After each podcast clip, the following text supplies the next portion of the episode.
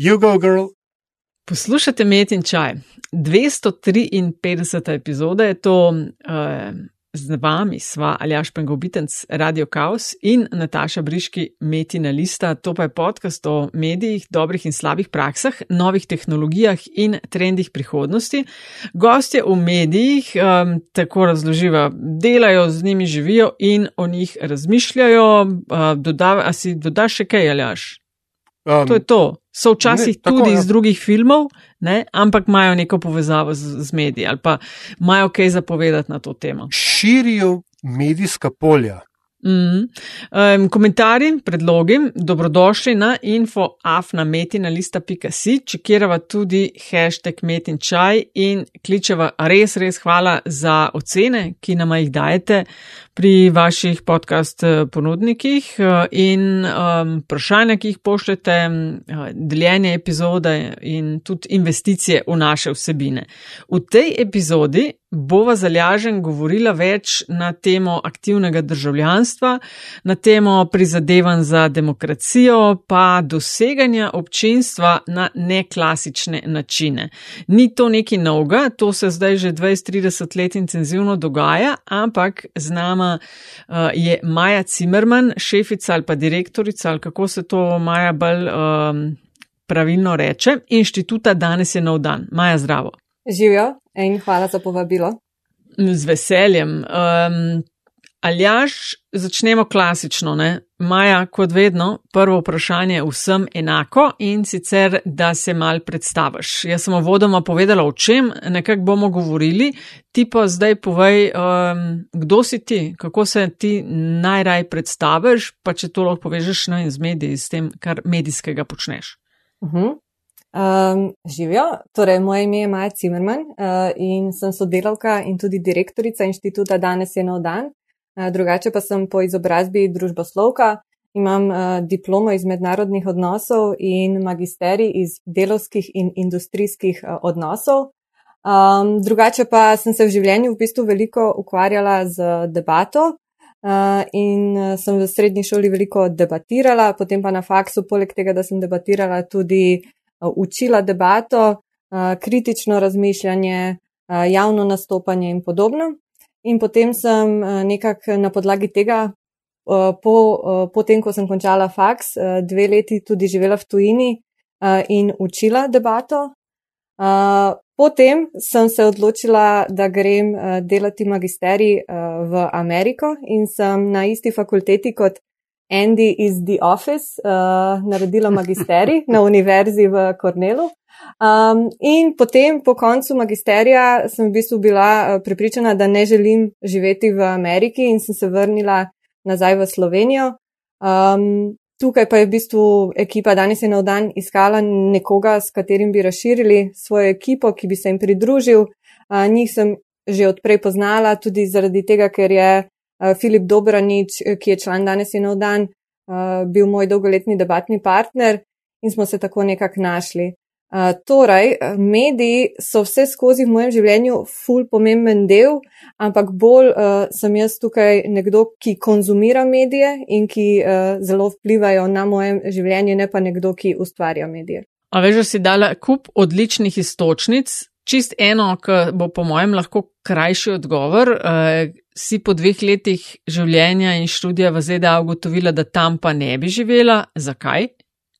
Um, zaradi tega, ker mislim, da trendi, ki jih eh, posod po svetu uh, opažamo, torej uh, tega, da raven življenja stagnira, da neenakost se veča, da je tež, vedno teže priti do zdravstvene oskrbe, uh, ti trendi so v Ameriki v bistvu samo še mnogo bolj um, izraženi in uh, resnični. Um, izvolite, ne, čak, viš kaj, sem še to, če mi dovoliš. Izvolite. Eh, izvolite, izvolite. Tole, uh, valjda, da te bom vprašala še na kritično mišljenje, ampak tudi na debate, ker vem, da sta s Filipom uh, odlične rezultate imata, ampak dej ti povej, kako vas to sploh učijo, kaj vam povejo, ko greš, jaz bi se pa želel navaditi ali pa želela navaditi debatirati, Kira, kaj vas naučijo?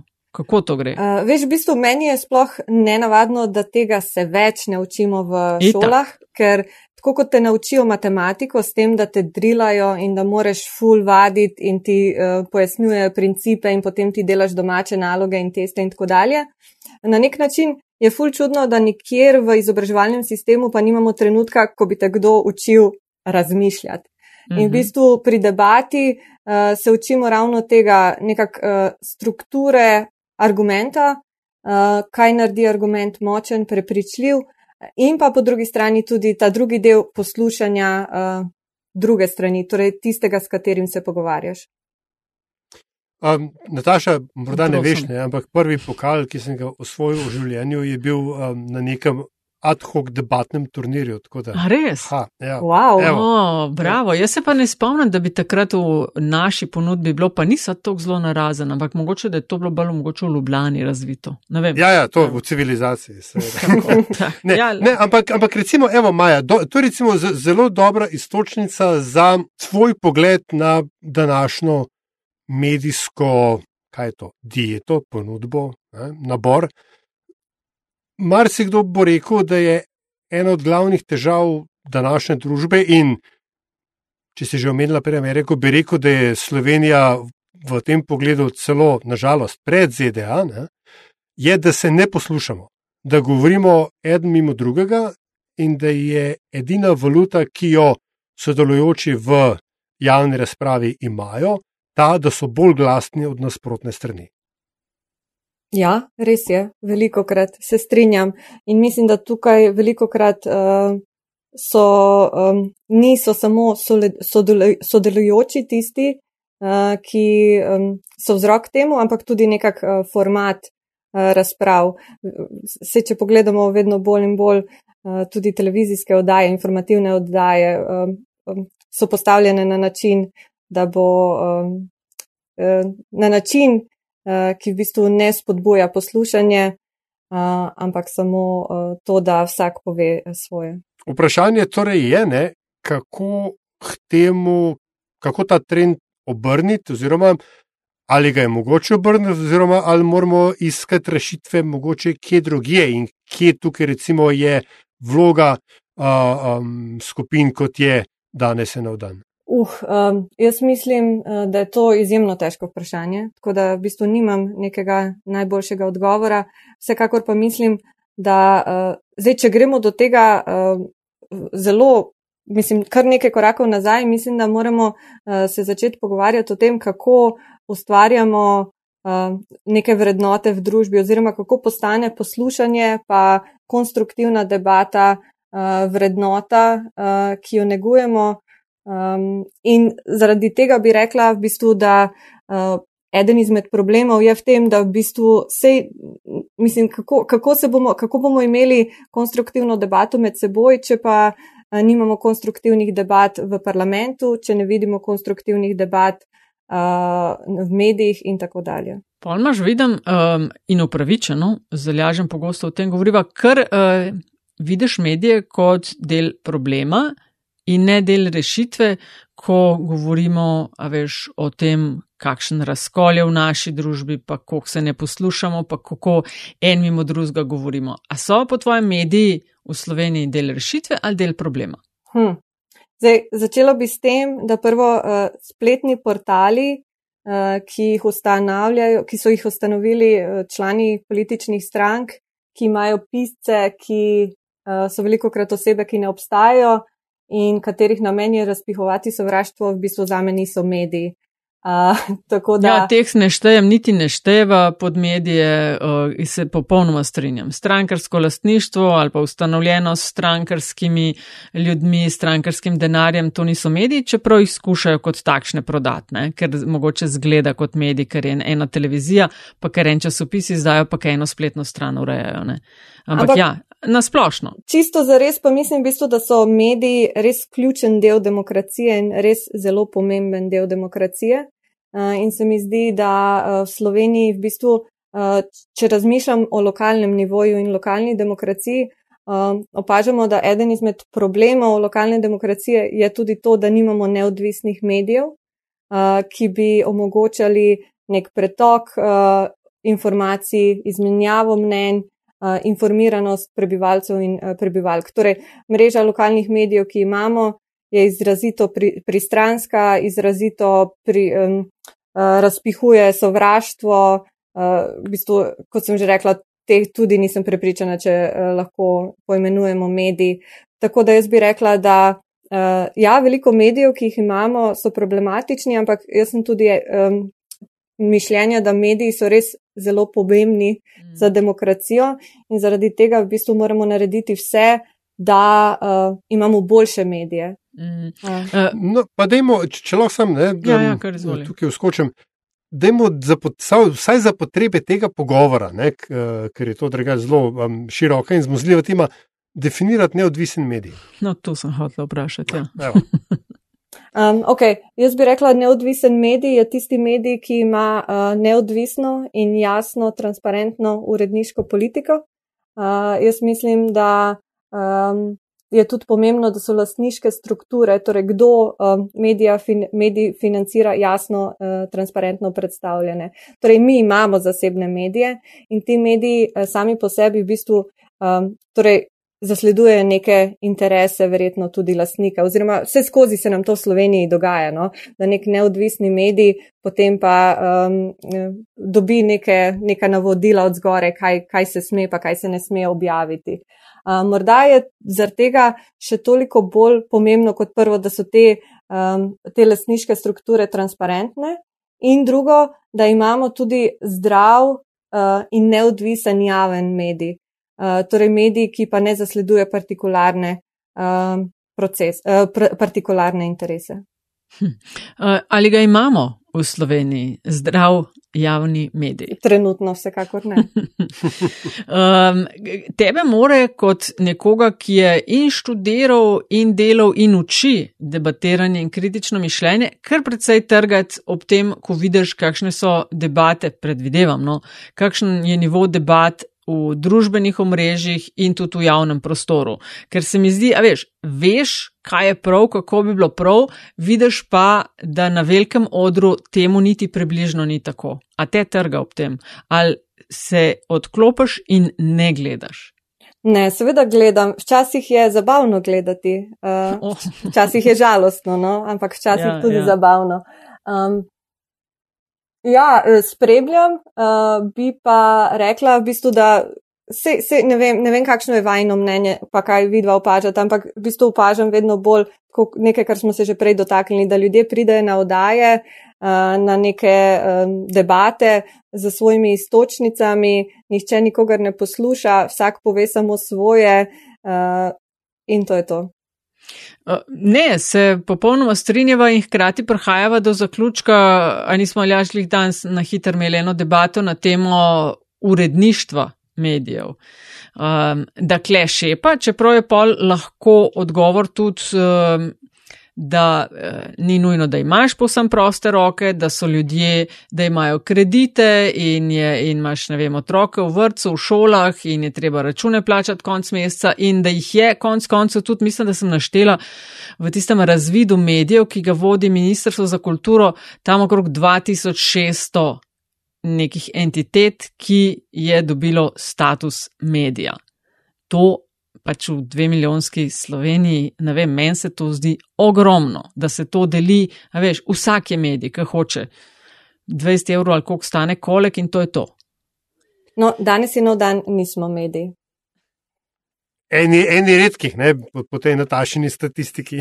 Ampak eh, nekaj drugega, mogoče zdaj, um, kaj to sugeriram ali pa polagam besede v usta, ampak a, verjetno, glede na to, da ima Slovenija eh, zelo dobro in bogato tradicijo uh, normiranja stvari, ne, uh, ki je potem se izkaže za ne, ne tako zelo učinkovito, če sem prijazen. Ne.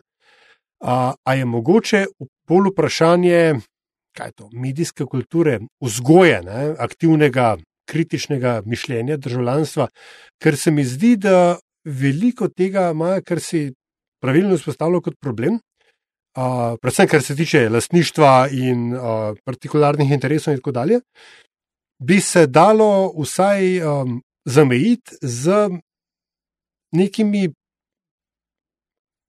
jasnimi in zdravorazumskimi novinarskimi praksami. V Ameriki, recimo, je uh, standard, da se uh, deklarira konflikt interesov. Recimo, ko Washington Post poroča o Amazonu ali o Jeffu Bezosu, pač pove, ne, jasno pove v članku, da je Jeff Bezos lastnik uh, Washington Posta. In tako dalje. In tako dalje. A je mogoče problem v Sloveniji bolj to, da, ta, uh, da te konflikti niso transparentni, ker verjetno se jim popolnoma izogniti vendarle ne da. Zdaj, jaz nisem novinarka, niti nikoli nisem delala v medijih, tako da v bistvu težko ocenjujem. Um, ne, ne, ne, oprosti, da pregledam. Obratno, ravno zato, ker si demo temu reči informirana konzumentka. Uh mhm. -huh. Veš, kaj, kaj bi tebe, kot informirano državljanko, pomirilo, oziroma bi ti bil tisti dodaten kam, kamenček v mozaiku, ki bi ti um, omogočil, da lažje kritično analiziraš to, kar prebereš, vidiš. Ha, veš, ena stvar, ki se meni zdi vedno pomembna, je, uh, neutralnost je mit. Uh, nihče ni neutralen, vsakdo izhaja iz neke pozicije. Uh, in se mi zdi, da razkrivanje teh nekih predpostavk, nekih naših temeljnih vrednot, je recimo že nekaj, kar se meni zdi, da bi bilo pomembno, uh, tudi da bralcem damo kontekst, kaj, kaj berejo, oziroma da razumejo, koga berejo. Za danes je nov dan tisti, ki od naših poslušalcev in poslušalki mogoče niso čist dobro eh, seznanjeni s tem inštitutom. Eh, kako ga opišeš v par stavkih? Uh mhm. -huh. Vemo, ok, ni medij, je pa kaj. Uh mhm. -huh. Danes je nov dan, je um, nevladna organizacija, ki sicer obstaja neuradno že od leta 2012. Uradno pa je bil ustanovljen leta 2013 kot nevladna organizacija, Teme, s katerimi se ukvarjamo, eh, so demokracija, eh, nove tehnologije, eh, mediji in govor, ki se dogaja tako na družbenih medijih kot v tradicionalnih medijih. Veliko pa tudi sodelujemo z drugimi nevladnimi organizacijami in jim nudimo, nudimo tehnološko in komunikacijsko podporo pri njihovem delu. Smo kolektiv programerjev, dizajnerjev, komunikatorjev in družboslovcev ter humanistov. Trenutno je naša ekipa deset ljudi. Ena izmed glavnih metod našega dela je razvoj digitalnih akcij in digitalnih orodij, s katerimi analiziramo, informiramo in pa tudi ali pa, ali pa tudi Eh, ustvarjamo prostor za participacijo in nadzor javnosti nad delom odločevalcev. No, omenila si, analiziramo, informiramo, to bi v nekaterih segmentih, ki jih delate, eh, bi štelo tudi lahko kot medij. A je to, kar si prej dost hitro skočila, no mi nismo mediji, a je to bila zavestna odločitev, ali se vam ne da s tem ukvarjati, ali ste prav rekli, ne, mi pa to ne bomo, ker ne vem. Ja, veliko smo se s tem ukvarjali, ker no, eh, povej, tako kot si sama šlo. identificirala, v bistvu veliko stvari, ki jih delamo, je neko raziskovalno delo, ki, katerega namen je informirati, pa predstaviti neke nove informacije javnosti, uh, analizirati situacijo, podati svoje mnenje. Uh, v bistvu, um, ko bi rekla, kljub vsemu, uh, kljub temu, da to delamo, delamo tudi veliko aktivističnega dela. Uh, in se nam zdi, da v bistvu naj, uh, med, naj so mediji tisti, ki morda to boljše delajo kot mi. Uh, in to, da nismo definirani kot mediji, nikakor nas ne omejuje pri tem, da ne bi recimo analizirali uh, Twitterja in astroturfinga na Twitterju. Uh, morda pa lahko, uh, poleg tega, da to analiziramo, potem naredimo še kako akcijo, uh, kar pa morda nek medij ne bi hotel, zaradi tega, ker želijo um, ostati zelo strogo pri svojem medijskem delu. Mm, se pravi, kaj, da ste bolj hoteli, zaradi aktivistične narave, tudi inštituta niste hoteli, da bi se kot medij opredelili, ker bi vas pa to omejevalo pri aktivističnih akcijah. Tako. Ali je z vašega vidika javni prostor dostopen, uh, ali pa je v javnem prostoru dovolj prostora za um, vprašanje, ki jih vi odpirate, debate, ki jih hočete vi sprožiti, uh, in tako dalje. In s tem mm. Povezano vprašanje po vaših izkušnjah, kdo so dejanski, ne, zdaj pa družboslov, um, družboslovni buzzword alert, kdo so dejanski gatekeeperji slovenskega javnega prostora? Um, v bistvu mi na nek način eh, ne želimo samo sodelovati v javnem prostoru, ampak so ustvarjati ta prostor oziroma ustvarjati nove prostore, kjer lahko uh, sodelujemo, kjer lahko se mi, pa tudi naši podporniki, bralci, uh, fani na konc koncev uh, izražajo na, uh, prostore, na katerih smo mi lahko uh, demokratični uh, državljani. Uh, torej, v bistvu že od samega začetka um, nikoli nismo o sebi so, uh, razmišljali samo o nekom, ki želi sodelovati v teh nekih tradicionalnih javnih prostorih, ampak že vse čas želimo tudi uh, ustvarjati nove prostore, uh, ker mislimo, da v bistvu veliko teh nekih uh, tradicionalnih prostorov in pravil igre na teh uh, prostorih uh, nam ne ustrezajo oziroma morda niso najboljša za zdravo demokracijo. No, dej, zdaj pa razloži to mal, ker sej mislim, da si že odgovorila, samo da moramo to prevesti uh, tudi tako, da bova en drugega razumela. Ja, ok, se zdaj v bistvu mislim, mislim, da tudi vsako od naju prihaja iz svoje perspektive v ta pogovor. Uh, in zdaj, eh, recimo, jaz razmišljam o demokraciji in razmišljamo, ok. Kako lahko aktivni, kako lahko kot državljani sodelujemo v demokratičnih procesih. In potem imamo recimo neke, imamo poleg volitev neke um, možnost uh, referenduma, imamo možnost protesta, lahko pišemo peticije, pisma in tako dalje, ampak zelo hitro smo ugotovili, da morda moramo biti bolj um, think bigger. Torej, da moramo uh, morda ustvarjati tudi nove uh, načine participacije in tukaj recimo uh, res veliko delamo na tem, da razmišljamo, kaj so neki drugi načini, kako lahko kot posameznik participiraš v demokratičnih procesih, ki ni samo ta enosmerna komunikacija, ko ti nekaj zahtevaš oziroma si želiš od uh, države. Napisan imate na strani, ali pa sem nekje zasledila, da danes je nov dan, želimo misliti boljšo družbo. Kaj je zate, nam reka za vas, ampak zate boljša, do, dobra družba? Uh mhm. -huh. Ja, družba, uh, ki je bolj pravična, ki, je, uh, ki spoštuje vsakogar, um, družba, um, ki um, je strpna, družba, v kateri ima vsak pravico delovati. Um, zdaj, mislim, težko je nepripravljen odgovoriti na to vprašanje. Uh, Ko nimam ja, enega odgovora, uh, lahko ti povem, kaj mislim, lažje verjetno identificirati. Lahko s prstom pokažeš, lahko s prstom pokažeš uh, na nekaj, kar, lej, to je dobra družba ali na državo, ali na skupnost, ali ne vem kaj.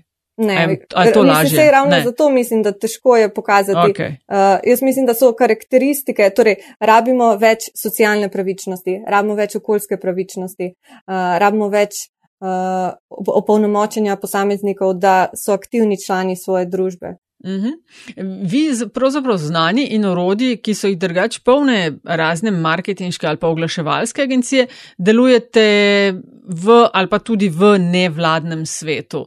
Se mi zdi, da ste zelo dobrodošli, ker je tega pred, ne vem, desetimi leti, kot si menila, dobrimi desetimi leti, ko ste se pojavili začeli delati, tega res manjkalo in da ste res ena svežina in tako, kot voda v puščavi. Ja, mislim, to tudi mi opažamo, da še vedno je teh nekih kadrov, um, recimo programerskih, uh, pa tudi znanj, oglaševalskih, PR-ovskih, uh, veliko premalo uh, v uh, novo sektorju, v civilni družbi kar je problematično, glede na to, da morda naši sogovorniki na drugi strani pa imajo veliko krat za seboj PR službe, pa full fancy dizajnerje, um, veliko več sredstev finančnih, kot jih imamo mi.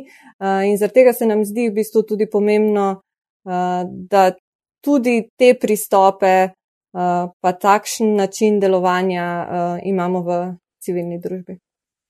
Uh, koliko pa je tu nevarnosti, um, kaj bi ti mu rekel, slepega zaupanja v tehnologijo? Ne? Ker se mi zdi, da se paralelno nad, um, hkrati, ko se povečuje razočaranje nad demokracijo kot tako, ne, češ. Ali smo se za to borili, se povečuje pa uh, tudi ravno tako neosnovano, um, neosnovana vera ne, v tehnološke rešitve. Češ, samo tole uvedemo, pa bo več demokracije, samo tole uvedemo, pa bo, ne vem, participacija na volitvah boljša. Kakšno so vaše opažanja, glede na to, da imate res nestandardno in posledično precej zanimiv miks tehnološkega in družboslovnega?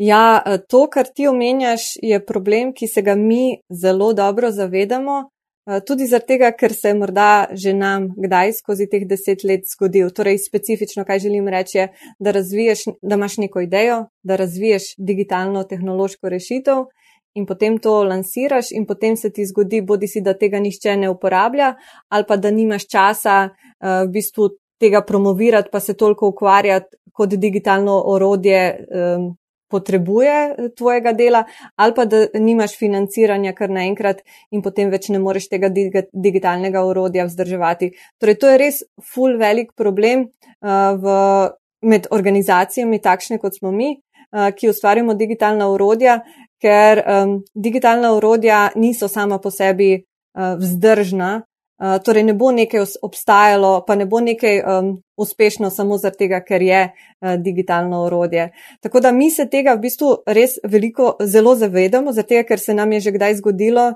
in veliko delamo na tem, da ne bi na tak način delovali. Se pa strinjam, da veliko krat, um, da, da v bistvu s tem, ko vedno več govorimo o digitalizaciji in o digitalnih rešitvah, um, da se pojavlja nek trend, nevaren trend, da se vlaga tudi v civilni družbi v neka digitalna urodja, ne, ne nujno s premislekom, kaj se bo zgodilo, ko se recimo financiranje za to orodje konča, ali pa ali je res um, vsaka organizacija sposobna vzdrževati to orodje, a se veda, zaveda implikacij takega orodja.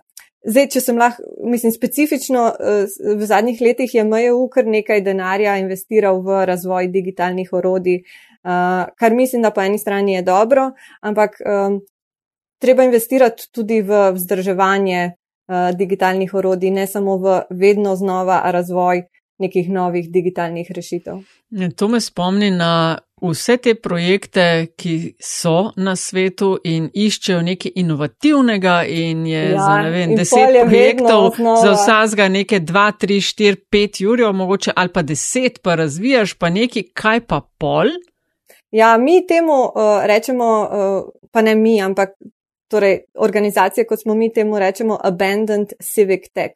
Civic tech, ki je bil razvit za namen nekega projekta, in potem, uh, ko se je projekt končal, te stvari pač uh, tam na nekih uh, digitalnih smetiščih samevajo. Ja, ja. Ej, ko se recimo skregate, pa ne mislim s tem skregate, začnete sovražiti med seboj, ampak ko, se, um, ko so mnenja različna glede posamezne stvari, ki jo predebatirate znotraj uh, vašega inštituta, rekla si, da vas je deset, pa vem, da jih je pridruženih še veliko več in tako dalje in tudi več jih sodeluje še zraven, ampak kje se največkrat zapnete, če se zapnete? Uh, uh pri vsem, resno. Mislim, od tega, da sva Filip in jaz debaterja, kar pomeni, da mi dva preusprašujeva do vse, vse, do tega, da pač tudi ostali člani so sami taki uh, dvomljivci. Uh, tako da v bistvu res naši procesi razvoja nekih uh, rešitev, pa ali so to digitalne ali ne, so ponovadi, um, ponovadi vključuje veliko pogovorov. Eh, in razgovorov, kaj, eh, kako, in kakaj, eh, kako in kaj. In jaz sem prepričana, da zdaj, če bi vprašala to vprašanje našo dizajnerko, bi ti ona rekla, največ se zapletate glede dizajna. Če bi vprašali ta pogovor naše, našo copywriterko, bi rekla, največ se zapletate glede, se zapletamo glede kopija. Če bi vprašali programerje, bi bilo, joj, te pro, vedno znova neki pripombe na, na, pripombe na kodo in tako dalje. Tako da, um, čist za res, v bistvu. Naš, in vidva s Filipom pa to stoji eno vprašanje kot debaterja in tako. Ampak, uh, pravim, ti vsi smo taki. Ja, ja, ja, ne, ne. Sej sem hotela sem izkoristiti za, za um, podlago za naslednje vprašanje. Kdo je zate dober debater v slovenskem prostoru? Uh. Pa naj bo iz katerega koli foha, ali z gospodarstva, ali politike, pač tist, oh. kjer si imela mogoče kje koga priložnost videti, ne vem, na omizju, na televizijski oddaji, kjerkoli. A ti pade kdo v oči v šest? E, veš, da mi zdaj uh, ne pade nišče, ne, niko, nikogar se ne spomnim ta trenutek. Polži noben ni tako dober, ne? Razen nijo s Filipom, valjda. No, Dobro, ne, to je itak druga kategorija. Ja, ampak veš, to je ful druga. Eno je debatirati, pa smo res debatirala ful let. Eno je pa nastopati um, Ja, sem, tam so tudi debate, pa nekdo, ki tam ste na teh tekmovanjih, ste tudi mogli prepričati z argumenti. Ja, po teh debatah televizijskih je tudi nekdo, kakorkoli se že brutalno sliši, nekdo zmaga, nekomu ljudje bolj verjamejo, nekdo ima bolj prav. Ja, ampak a, a imaš ti enega takega v mislih? Zdaj, um, ravno razmišljam, ker mi res nihče ne pade na pamet, da bi se v zadnjem času navdušil. No? Povej. Mislim, dober, da bi dol padla, ne, ne, ampak vedno je, mislim, zelo pogosto je, ne vem, na soočenih uh, je mesec ponavadi bil dober, je tudi že tako, mislim, rečemo, ni lastno ročno, ne, ampak levica takrat v parlament padla, tudi uh, se zdi, da meni se zdi, da golob ni slab, uh, meni se je tudi Bratušek zdela dobra na uh, kakšnih soočenih, tako, ampak zdaj naštevam, veš, uh mhm. -huh. na, na splošno. Ali až imaš ti koga na koncu jezika? Ja, Branko Grimsfonder, ne? Ja, itak. itak on pač, gledaj, kukorkoli, karkoli vržeš vanga, tega ja. se odbija od njega in on v vsaki debati zmaga, tudi če zgubi, ne? Ja, ja, ja. Da, ampak, no, oziroma, ne, pa, pa po drugi strani imamo pa zdaj, mislim, da še vedno govori, medtem ko mi to snimamo, Miha Jazbinšek, nekdani mestni svetnik, ljubljanski, ta človek je tank, ne, to ne moreš ostati. Ja. Ampak dobro, gledaj, da mi nehamo zdaj s tem fanbojostvom, klele, oziroma fangrlostvom. Resno vprašanje, Maja. Um, kaj je po tvoje ali pa po vaše, uh, kaj definira, ker smo prej že omenjali, kaj ste, kaj ste rekli, abandoned civic tech, ne? kaj pa je functional civic tech, kaj je torej funkcionalno državljansko urodje po vaše? Mhm, ja, urodje, ki ga državljani uporabljajo in ki jim služi. Um, jaz mislim, da to v bistvu uporabnik definira. Um, in zaradi tega je tudi uporabniška izkušnja tako pomembna pri razvoju teh digitalnih urodij. Namreč, ker sprašujem tudi zato, ker seveda na nek način se strinjam. Ne? Po drugi strani imamo pa vendarle nekaj orodij v Sloveniji, ki, so, ki jih tudi mediji zelo radi uporabljajo. Uh -huh. uh, ki so daleč od tega, da bi bila uporabniku prijazna. Ne? Recimo, e-demokracija. Recimo, recimo erar oziroma supervizor. Recimo, ne, če je komu v interesu investirati tistih par fičnikov, zemljiška knjiga. Uh mhm. -huh. Ampak to so, vse to je daleč od tega, da bi lahko, ne vem, uh, naši starši ali pa nekdo, ki bo to drugič v življenju odprl, da bi se lahko znašel. Včasih časih se zdi, da rabaš imeti posebej uh, tečaj samo iz uporabljanja tega. Ne? Ja, noro je, grozno je, res se strinjam. Tako da, kaj tukaj, a, a veš, prej sem te sprašal o gatekeeperjih. A je tudi uh, dostopnost takih orodij um, neke vrste nepotrebna prepreka za aktivno državljanstvo? Uh, ja, in če me vprašaš, kako, um, kako popraviti to. Uh mhm, -huh, te vprašam, uh, ja. Hvala za tako dobro vprašanje. Um, jaz mislim, da v bistvu uh, treba zahtevati od uradnikov, ki naročajo taka urodja uh, in ki v bistvu jih plačajo na konc koncev, uh, zahtevati, da v bistvu opravijo, preden se tako urodje razvije, uh, posvete za uporabniki in potem, da vse skozi tudi spremljajo, kakšna je uporabniška izkušnja uh, teh orodij. Govorili smo znotraj tega pogovora o aktivnem državljanstvu, vključevanju v demokratične procese. Ti si bila vodilna avtorica, sem to prav povedala, te publikacije Elevating Citizens Voices. Tako je. Ja, no, kakšna so, to ste na kratko povej, o čem, ste, o čem je bila ta publikacija in če lahko nanizaš par priporočil za te neke nove oblike vključevanja ljudi v uh, skupno dobro. Uh -huh. uh, gre za mednarodno publikacijo, uh, v kateri smo predstavili šest primerov deliberativne demokracije, dva na nacionalnem nivoju, dva na regionalnem in dva na lokalnem nivoju. Zdaj, morda najbolje, da začnem prvo s tem, kaj je sploh deliberativna demokracija. Deliberativna demokracija je demokracija, ki v središče postavlja deliberacijo. Deliberacija pa je pristop, ki pravi, da se morajo udeleženci nekega participativnega procesa spoštovati, poslušati, predstaviti svoje argumente in predvsem, da morajo poskušati doseči nek konsens oziroma skupno razumevanje problema in rešitve. Um, torej, morda največja razlika med participacijo in deliberacijo je v tem, da ko participiraš, samo predstavljaš svoja mnenja, uh, svoje mnenje, ko uh, si pa vključen v deliberativni proces, pa poskušaš najti neko skupno razumevanje oziroma skupno rešitev. Um, deliberativna demokracija je v zadnjih um, 15 letih uh, doživela velik razmah, tako mednarodno kot uh, v Evropi. Um, In predvsem skozi uh, procese, ki se imenujejo Citizens Assemblies, uh, in uh, šest takih Citizens Assemblies z različnimi, um, šest modelov Citizens Assemblies je predstavljenih v tej publikaciji. Zdaj, morda Uh, zakaj rečem Citizens Assembly? Lahko bi rekla tudi morda um, občinski um, uh, forum občanov, lokalni forum, uh, skupščina občanov. Um, prevo glede prevoda še čisto, nismo še čisto prepričani, kaj je najboljši, najboljši način, kako prevajati ta koncept v Slovenijo, ker imamo zbore občanov. Uh, celo v zakonu o lokalni samoupravi so omenjeni kot način uh, vključevanja javnosti.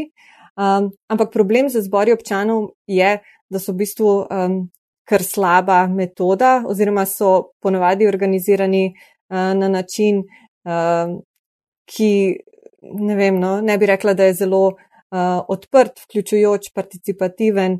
Uh, torej, v praksi se niso izkazali za, do, za dobro metodo in nas je strah, če, če bomo te Citizens Assemblies uh, prevedli kot zbore občanov, da jih bomo v bistvu nekako uh, že od začetka um, postavili, um, mislim, da zaznamovali negativno. No? Zaradi tega še delamo na tem, kako, uh, uh, uh, kako prevesti ta termin, ampak v bistvu v publikaciji predstavimo, uh, kako so Citizens Assemblies bile organizirane na, na na nacionalnem nivoju v Franciji in na Irskem. Uh, dva primera iz Belgije na regionalnem nivoju in pa uh, primera uh, iz Nemčije in uh, Maroka na lokalnem nivoju, torej na nivoju občine.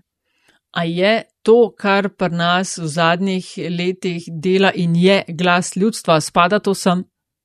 Uh, torej, uh, deliber, Citizens Assemblies kot tak. Ja. Citizens Assemblies kot tak. Um, Citizen Assembly uh, je definiran kot naključno izbrana reprezentativna skupina ljudi, ki skozi nek večtedenski ali večmesečni proces razpravlja o določeni temi in končno tudi pripravi konkretne predloge za zakonodajalca. Torej, Citizens Assembly je v bistvu naključno zbrana skupina ljudi, ki pripravi uh, predloge glede neke teme. Um, no, to je, a niso oni ravno to, tudi s temi predlogi za zdravstvo? Uh, no, ampak um, Jaz mislim, da v bistvu je uh, sledi, sledi glas ljudstva uh, nekim princip, principom deliberacije, Aha. ampak Citizens Assembly kot model uh, pa zahteva v bistvu, da si ti na ključ, da ima vsak enako možnost biti izbran, da sodeluje v postopku. In ravno zaradi tega ni, um, ni open call, za participacijo, torej ni, um, ni javnega vabila in tisti, ki se prikaže, bo sodeloval v participativnem oziroma deliberativnem postopku, ker se vemo, če bomo imeli javna vabila, bomo imeli neke skupine, ki bojo vedno nadreprezentativne, uh, pač bolj reprezentirane. Ponovadi so to. Uh, Starejši moški, više izobražene osebe, mm -hmm. in tako dalje. Torej, ideja tukaj je, uh, na ključ uh, neke uh, državljanske loterije. Torej, v bistvu, ponovadi je to v dveh, uh, v dveh korakih. V prvem koraku se, recimo, če rečemo občina, občina Kočevje, ne, reče, da bodo imeli um, um, Citizens Assembly, ponovadi je nekih 100 do 200 članov, da jim reče, da, bo, da boste imeli 100 članov. Okay. In potem občina prvo izžreba na ključnih, ne vem, 500 uh, občanov in uh, jim pošle vabilo, ali pa tisoč občanov. Tako malce porotni model v ZDA. Tako. Sam da je pač manjša številka. Torej, v bistvu zbere, eh, zdaj, ne vem, 10-20% ljudi bo reklo, ok, jaz bi sodeloval v tem procesu in potem v drugem koraku občina potem uh, poskrbi, da so posamezniki, ki jih je, um, ki bodo končno tudi sodelovali v procesu, um, reprezentativni širše populacije. Torej pomeni, da um, poskrbi, da je um, um, enakopravna zastopanost spolov, um, manjšin, uh, starostnih skupin in tako dalje. Stari Grki so imeli nekaj, če mu se reklo, sorticija. Ne? Ja. Uh, se pravi, na ključno žrebanje, pri čemer so oni zamejili um, tiste, ki so bili um, sploh, kaj se reče, eligible, ne, z lepo slovensko besedo. A nekaj tazga smo imeli tudi v Sloveniji, ne, kaj leta 2014 na evropskih volitvah smo imeli tisto mm -hmm. list, državljansko listo, tam se pa tudi uh, nekako ni, ni, ni najboljši šlo. Ampak um, Tako da politolog meni, da bo z zanimanjem spremljal nadaljevanje te debate. A, no, ampak, ampak ja. ja, izvoli, kar izvoli. Mislim, morda če lahko že kar takoj nadaljujeva to debato. Uh, mislim, morda samo, ker mor, torej gre za en proces, mislim, en predlog procesa, kako um, vključiti uh, državljane v, uh, v demokracijo, v demokratično odločanje. In uh, verjetno je glavno vprašanje, kak učinek imajo lahko te, um, te citizens assembly, te procesi. Zdaj, kot prvo, zakonodajalec je še vedno lahko, uh, parla, je, je samo parlament ali pa občinski svet, mestni svet, kar pomeni, da lahko takšno uh, telo samo pripravi predloge. Uh, ampak kljub temu je pa zanimivo, recimo, uh, da je um, recimo na Irskem. Uh, je bil referendum o pravici istospolnih partnerjev do poroke in pa referendum do splava. Oba dva sta v bistvu um, začela, um, začel, ta pot do referenduma se je začela ravno v enem izmed takih uh, zborov državljanov. Uh, ne, se, se, da, ne bo, da ne bo nesporazuma, sploh nisem proti. Hočem, uh -huh. Mislim, da je osnovni problem dosedanje izkušnje, sploh v Sloveniji, bil v tem, da je bila zastavljena cinično. Ne? Ker tiste je bila takrat, kaj že sanska služba ali ne vem kaj, češ, če boš evroposlanc, boš dobil gore denarja in itak ti ne bo treba naždelati in tako dalje. Uh -huh. in tako dalje. Češ vseeno je, kdo je izvoljen. Seveda, to, kar pravite vi, je, da ni vseeno, da je pomembno, da se. Zavestno in z dobrimi nameni v stvar vstopiš, in uh, potem so tudi uh, učinki lahko boljši. Uh, Um, Mislim, zelo so ja. zanimivi učinki, ker uh, si misliš, gledaj, koliko imamo razdvojeno družbo, nič se ne moramo zmeniti, ampak potem skozi take procese pa ponovadi se izkaže, da se teh uh, 100-150 na ključno uh, izbranih ljudi, ki so verjetno cel, uh, zelo razdeljeni po celotnem političnem spektru, so pa sposobni se uh, dogovoriti in doseči nek konsens glede rešitev. Recimo ravno te dni se je v Franciji končala uh, en, zopet en tak proces, Citizens Assembly, ki je pripravil priporočila vladi, da omogoči pomoč pri samomoru in eutanazijo. Uh, pripravili so vse skupaj 67 priporočil in uh, njihovih, njihovi člani so dosegli 92 odstotno strinjanje. Torej 92 odstotkov članov se je glede teh priporočil strinjalo. No, in zato, ne, kot pravim, bo politolog v meni zanimanje spremljal nadaljevanje te debate. Prosti, Nataša, še to sem hotel, ker, ker se navezuje na to. Um, zdi se mi tudi, da je aktivacija različnih segmentov državljanov različna. Če zelo um, poenostavim, ne, um, obstaja politična stranka v Sloveniji, ki z lahkoto dobi podpise pod referendumske pobude ki z lahkoto pripelje uh, eh, voljivce na, na volišča, ki z lahkoto um, pač jih aktivira za ta ali oni, nek, kaj je to, case, ne, oziroma uh. -huh. ne, neko idejo. Uh, po drugi strani uh, je pa en hiter pregled, recimo, družbenih, uh, družbenih omrežij, ki bi marsikdo rekel, ne, da so pa. Da je pa progresivna stran blazno glasna in je blazno vplivna, ko pa je treba to aktivirati, uh, pa nekako ni nek, nekega rezultata. Ali imamo tukaj, tukaj en pristop, ki deluje za vse, ali kako?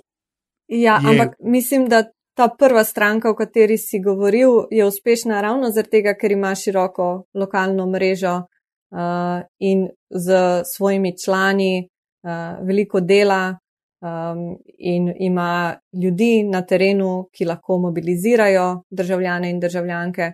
Uh, tako da v bistvu na koncu, kljub vsej digitalizaciji, Um, ljudje prepri, mislim, ljudje smo še vedno uh, fizični in uh, participiramo fizično. No? Um, mar, je, mar je torej možno, da imamo dejansko recept že vse čas pred sabo? Um, ja, ampak ta recept mislim, da ni, da imamo uh, imeti, uh, mislim, vsekakor je v tem, da rabimo okrepiti lokalno demokracijo, ampak jaz bi šla še en korak naprej.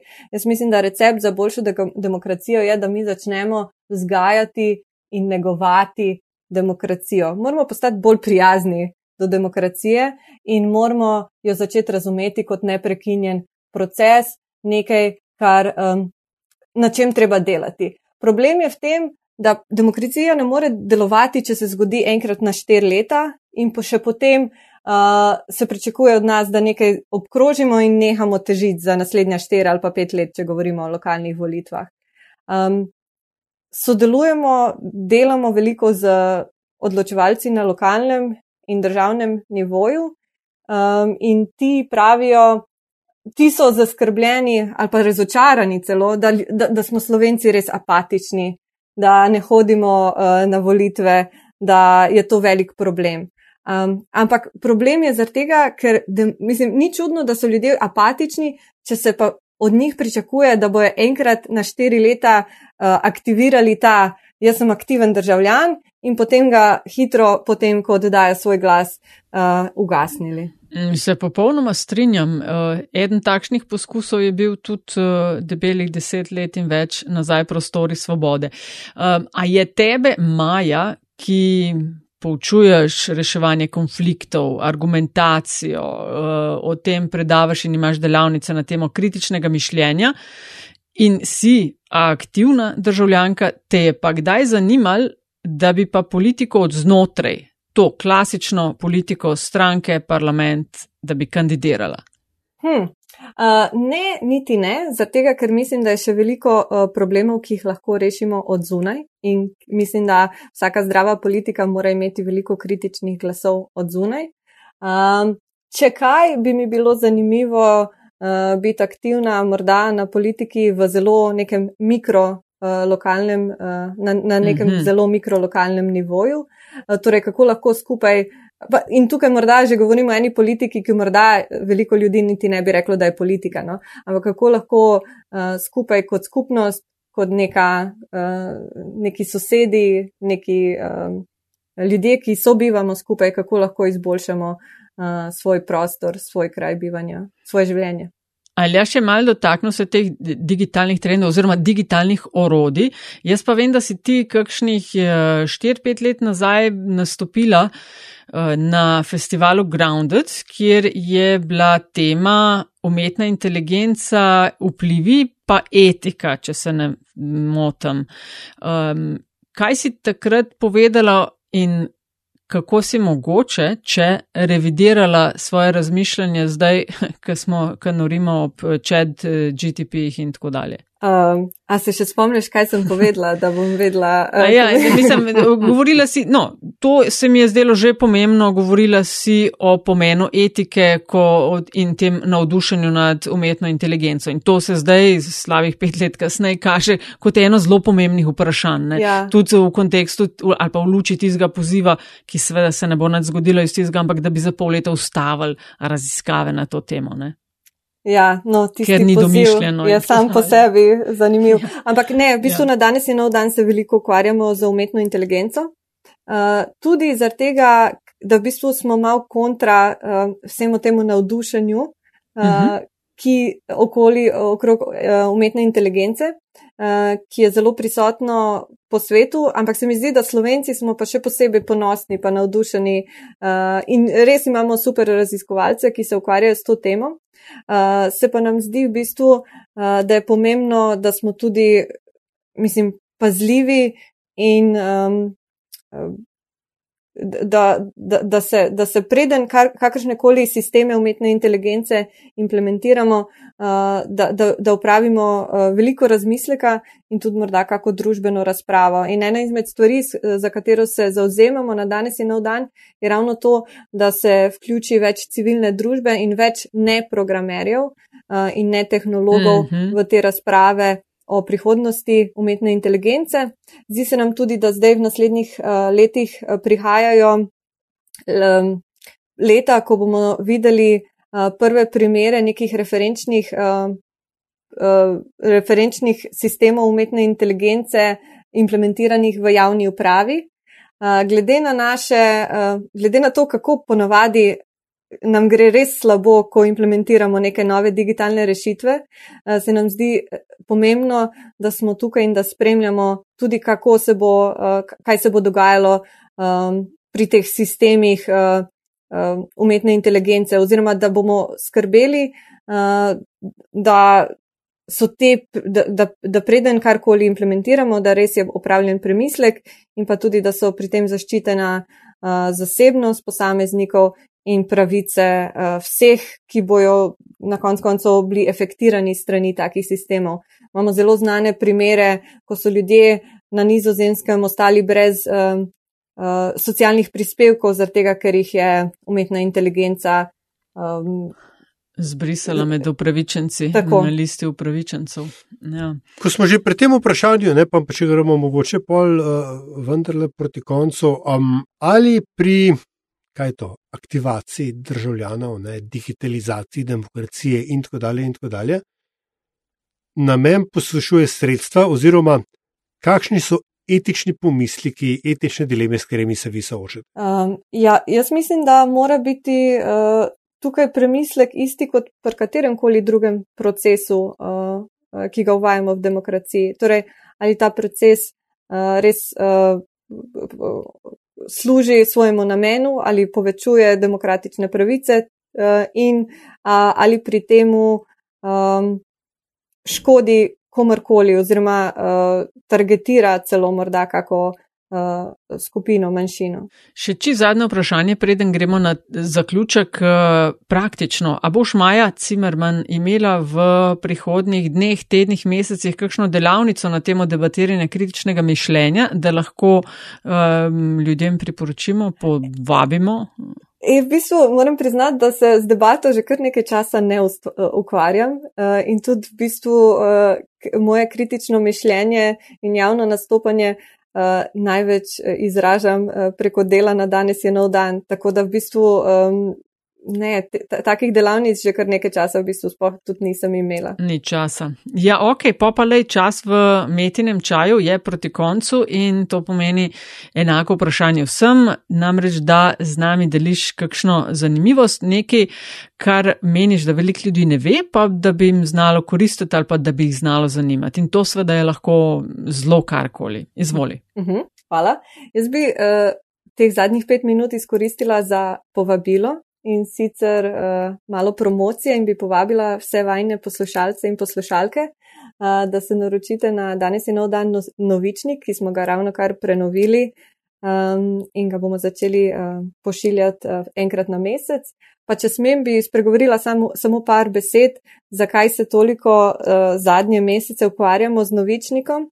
Uh, Kot nevladna organizacija je večina našega komuniciranja preko družbenih omrežij, kjer smo prepuščeni algoritmom, ki veliko krat brez nekega razloga ali logike omejujejo doseg naših objav ali pa jih označijo kot problematične, Aha. ali pa, če se ne motim, vi ste bili izbrisani iz ja. Facebooka.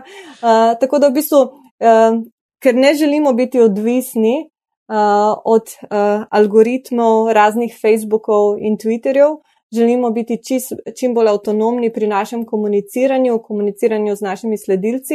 Uh, zdaj v bistvu pospešeno gradimo uh, bazo našega novičnika. Uh, torej, če gre tudi vam uh, Facebook na živce, uh, vabljeni, da greste na danesinavdan.si ali dnd.si in se naročite na naš mesečnik. Vsebina tega mesečnika bo poleg pomembnejših stvari, ki jih mi delamo, bomo v vsakem mesečniku poskušali podati tudi lasten razmislek o neki aktualni temi in pa tudi povezave do nekih zanimivih člankov, vsebin, ki bi jih želeli, želeli deliti z vami. Maja Cimerman, odlično, direktorica inštituta Danes je nov dan. Hvala za tvoj čas in za uh, met in čaj. Zelo okusno je bilo. Hvala. Hvala. Hvala ti že enkrat in srečno.